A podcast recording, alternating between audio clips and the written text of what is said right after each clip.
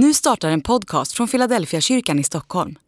Om du vill komma i kontakt med oss, skriv gärna ett mejl till hejfiladelfiakyrkan.se. Vilken, vilken högtid och vilken helg det har varit. Och jag har ju tänkt att jag ska dela några saker idag.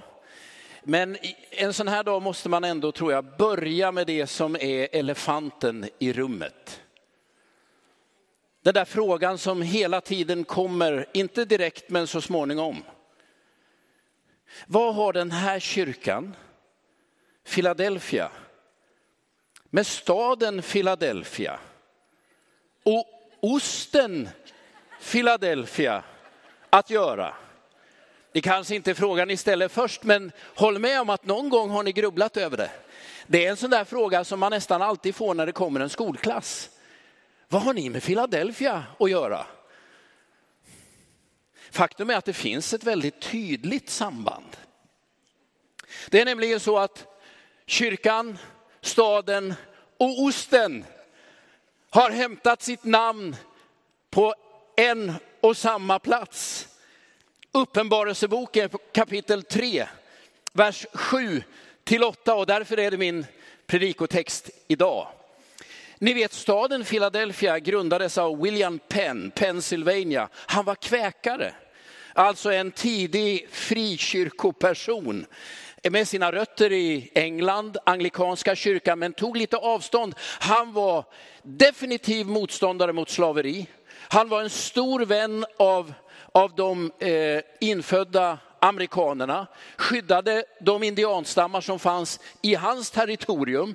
När man läser om William Penn som grundar staden som heter Philadelphia, som betyder broderskärlek, så inser man att han hade samma utgångspunkt som vi en gång hade här när vi skulle hitta ett namn på vår gemenskap. Philadelphia. Och det där med osten nu då? Jo, men det sägs ju att, att eh, sån här mjukost, den har sitt ursprung i Philadelphia. Det är därför det heter Philadelphiaost. Och då kan ni tänka varje gång ni smetar lite av sånt på en macka, Uppenbarelseboken kapitel 3.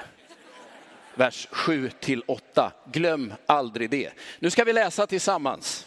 Uppenbarelseboken kapitel 3.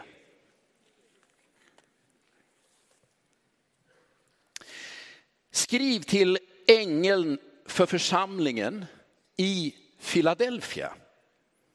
Så säger den helige, den sannfärdige. Han som har Davids nyckel, han som öppnar så att ingen kan stänga och stänger så att ingen kan öppna. Jag känner dina gärningar. Se, jag har ställt en dörr öppen för dig som ingen kan stänga. Din kraft är ringa, men du har bevarat mitt ord och inte förnekat mitt namn. Jag vill ta en liten stund idag och berätta om det här huset du sitter i och varför det är som det är just idag.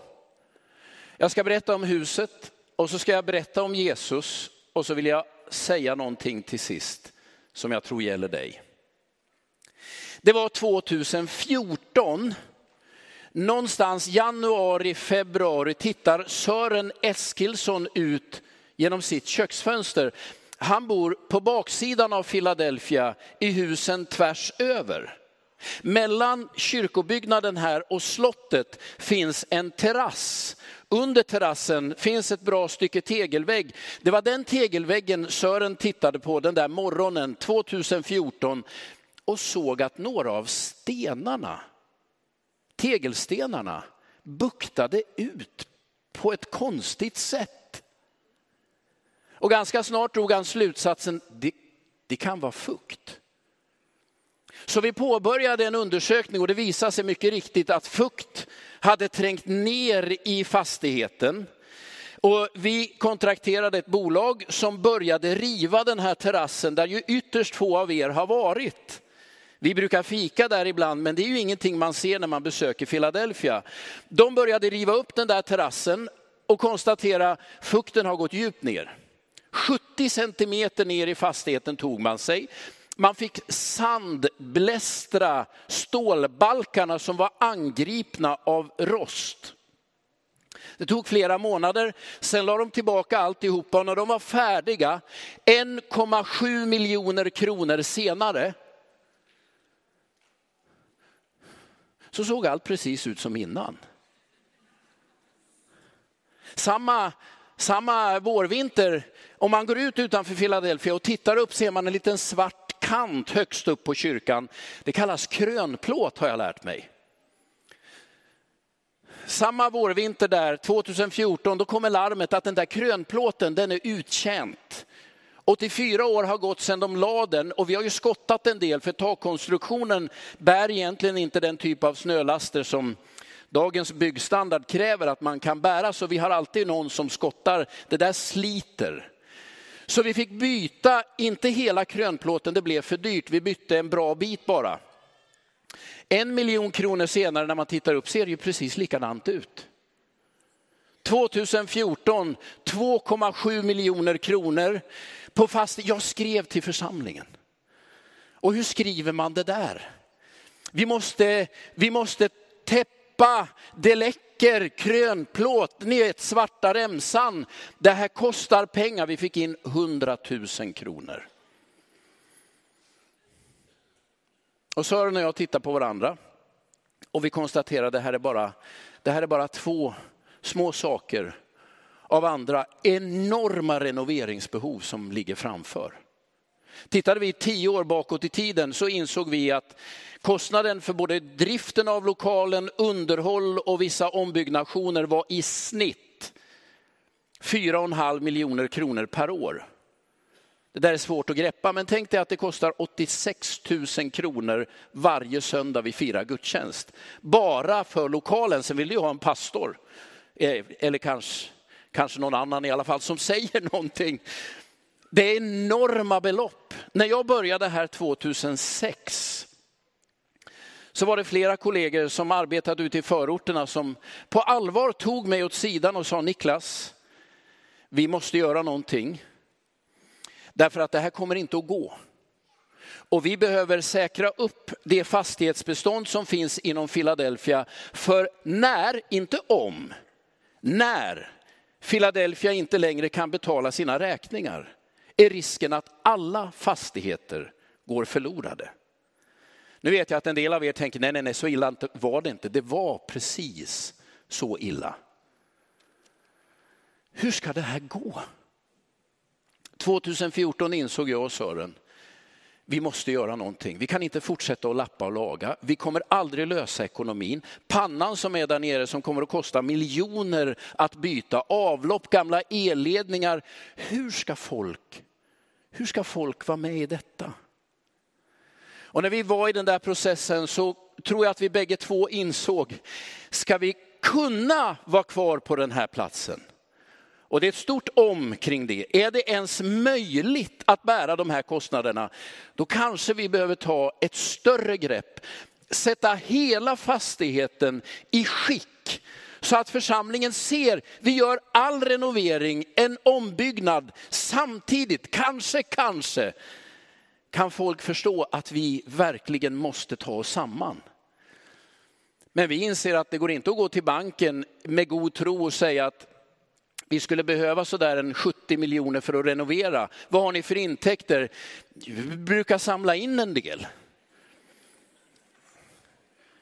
Man behöver ju hälften av kapitalet i händerna.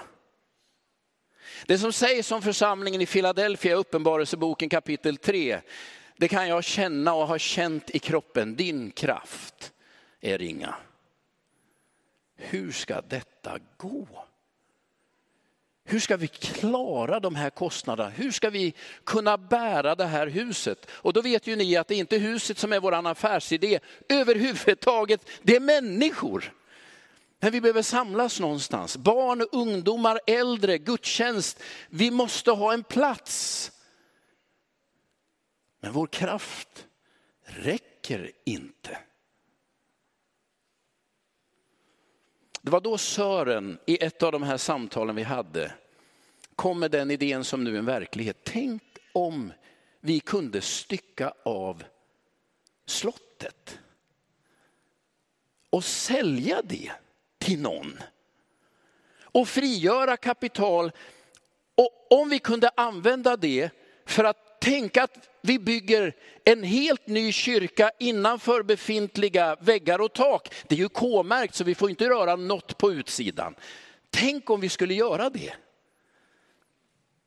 Och man inser direkt när den tanken är i luften, det är en möjlighet. Men det där blir inte enkelt.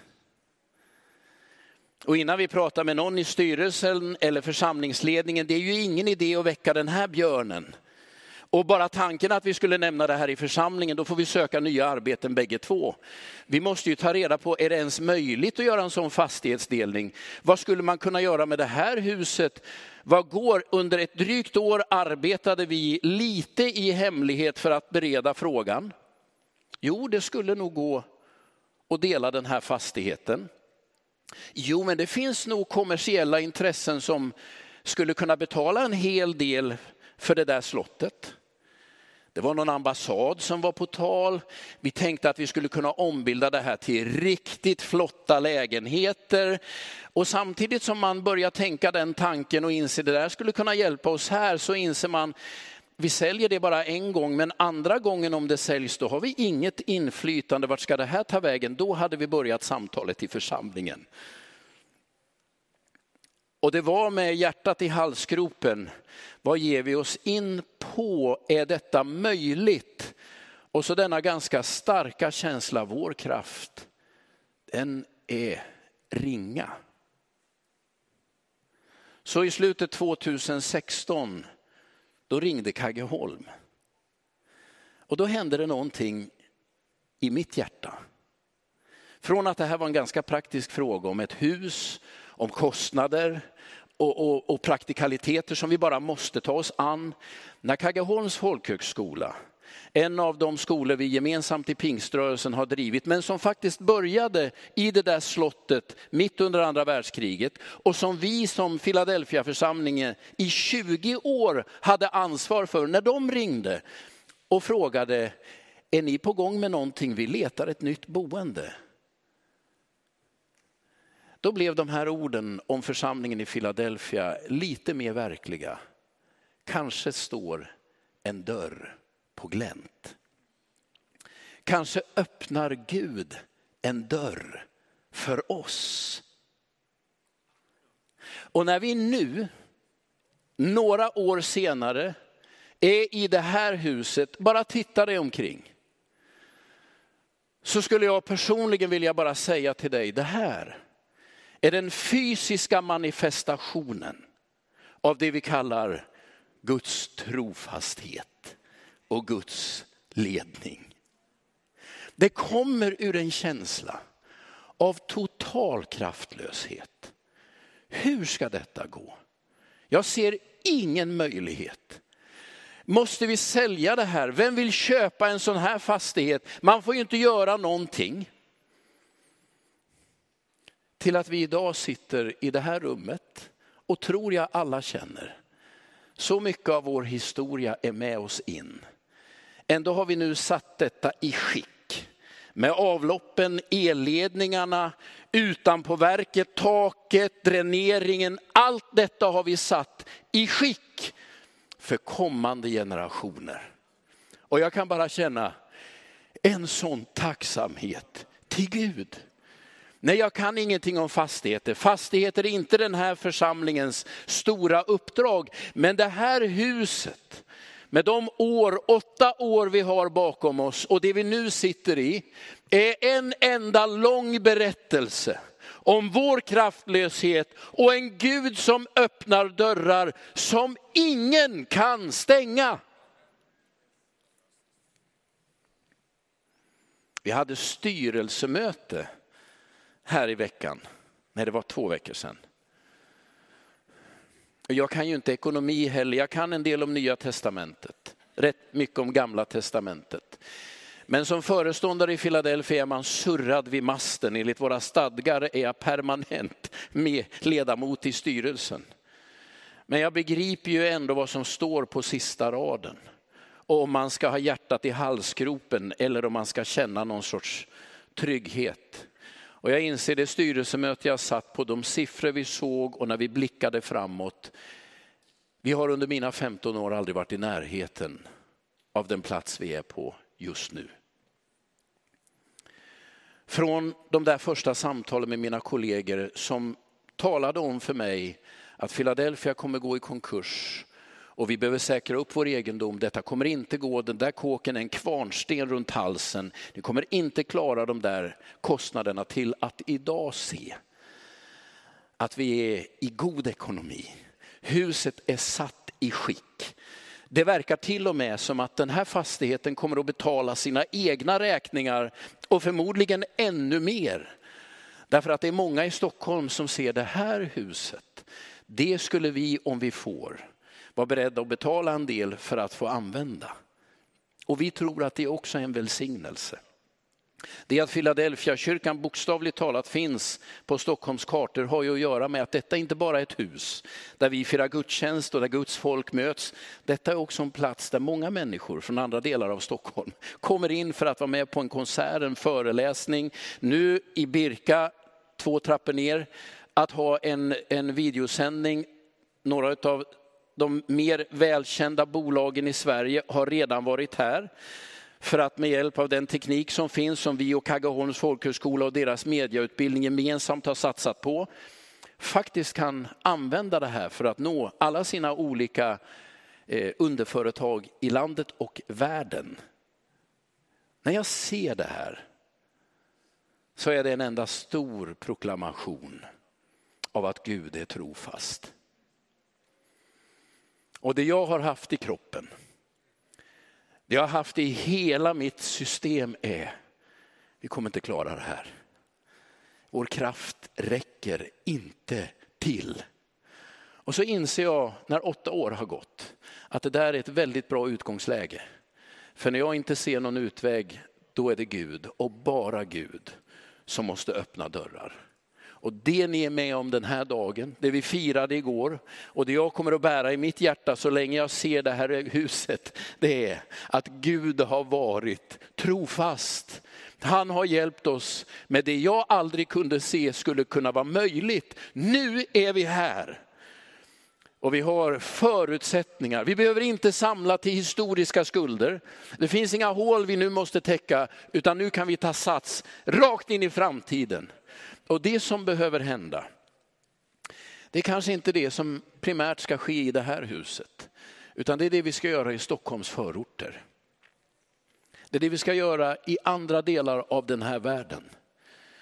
Jo, jag tror att våra egna barn, andras barn, ungdomar, de som finns i Vasastan, Birkastan runt omkring, för dem behöver vi vara en plats, det ska vi be Gud om. Att han ska öppna dörrar också på de här områdena. Och det är likadant där när vi pratar om hur ska vi klara Akalla? Hur ska det här gå till? Vi har inget hus. Vi vet inte i vilken ända vi ska börja. Som Josef sa, det är bara en massa höghus. Vad gör vi? Vår kraft är ringa. Den känslan kommer man aldrig komma ur. Men Gud är trofast. Han ska öppna en dörr som ingen kan stänga. Vi hade arkitekter här igår, vi hade en liten bankett på dagen. Eh, Olle Larsson som äger bolaget Sisyfos som ju har varit ansvariga för hela ombyggnationen. Han berättade att han 2016 satt med Sören Eskilsson uppe på läktaren där, tittade ner och sa till Sören, jo Sören det finns saker man ska bevara. Vi hade nämligen tänkt den hädiska tanken att riva trapphusen. Om du frågar mig hur de där trapphusen känns så skulle jag säga Sovjet, någonstans 70-talet. Det är betong och deprimerande. Nej, nej, nej, nej, nej. De är bevaransvärda. Ja, jag, jag, försöker förstå hur det där hänger ihop. Jag förstår om det här rummet och det här välvda taket är bevaransvärt. Men de där betongkulvertarna. Och när vi höll på med stadsbyggnadskontoret och vi möjligen ställde frågan om en trapp här på baksidan som ingen av er har gått i och aldrig kommer att gå i. Där det finns ett litet svart svetsat räcke som sitter. Det är ju halv, halv söndervittnad trapp. Kan vi, kan vi ta halva trappen? Nej, det kommer aldrig på frågan. Den trappen ska bevaras för eftervärlden. Man tänker, vem ska gå dit bak och titta på den? Nej, jag, jag, jag måste ärligt säga att jag inte begriper det där med fastigheter och vad det är man ska bevara. Men en sak har jag förstått. Det finns någonting som är mitt huvuduppdrag att bevara. Och det är det som står om församlingen i Philadelphia. Du har bevarat mitt ord. Nej, vi ska inte bevara trapphus, kulvertar. Vi ska inte bevara minnen från det förflutna, även om de är härliga att ha. Jag menar inte heller att vi ska ta sönder något i onödan. Missförstå mig inte nu. Men det jag vill säga är vårt primära uppdrag att slå vakt om, bevara och föra vidare är ju evangeliet om Jesus Kristus. Allt annat är jag beredd att förhandla om. Hör det, allt annat. Men evangeliet ska predikas. Ordet från Gud ska vi bevara.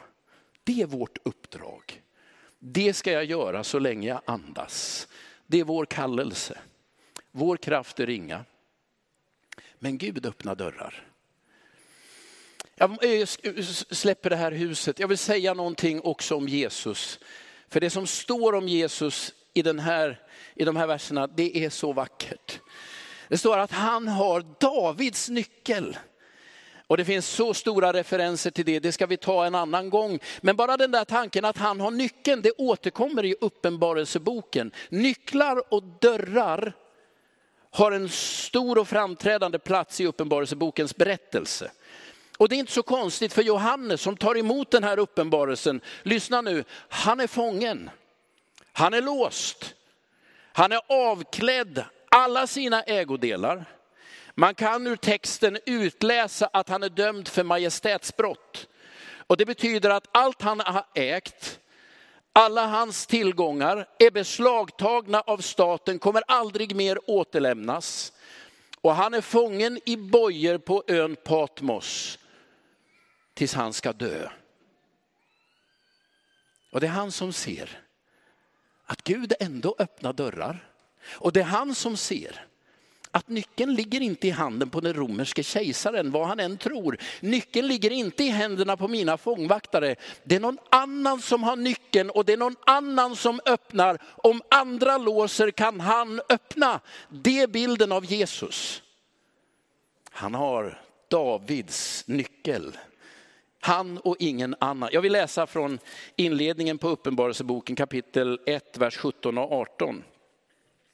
Det är så här Johannes inleder sin berättelse. Han ser Jesus i all härlighet och så säger han, när jag såg honom föll jag ner som död för hans fötter och han la sin högra hand på mig och sa, var inte rädd.